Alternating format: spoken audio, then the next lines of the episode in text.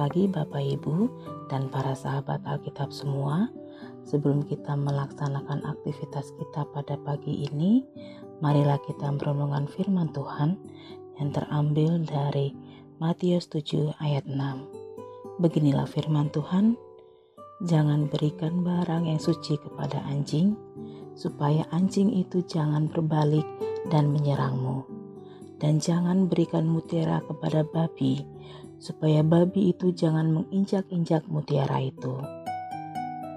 Dalam bacaan kita, kita dapat belajar bagaimana kita harus bijak memberikan sesuatu kepada seseorang. Barang kudus dan mutiara melambangkan firman Tuhan yang kudus yang tidak bisa diberikan kepada sembarang orang yang belum memahami karya Kristus. Barang yang kudus dan mutiara tidak ada artinya untuk anjing dan babi, karena mereka tidak bisa membedakan kegunaannya, padahal barang kudus dan mutiara tersebut sangat berarti bagi kita karena perlu perjuangan untuk mendapatkannya.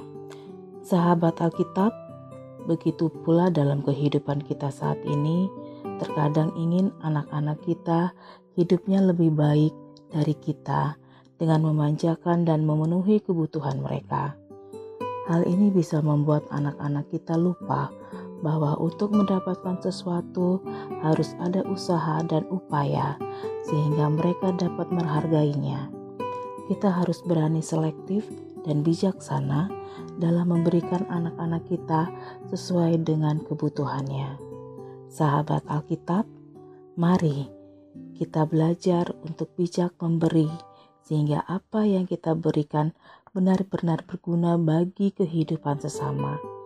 Tidak semua yang kita berikan berharga bila yang menerima tidak memerlukannya. Tuhan Yesus menghendaki kita untuk menghargai nasihat firman Tuhan mengenai nilai kesucian hidup, kebenaran dan perkenan Tuhan sebagai hal yang mulia. Salam Alkitab untuk semua.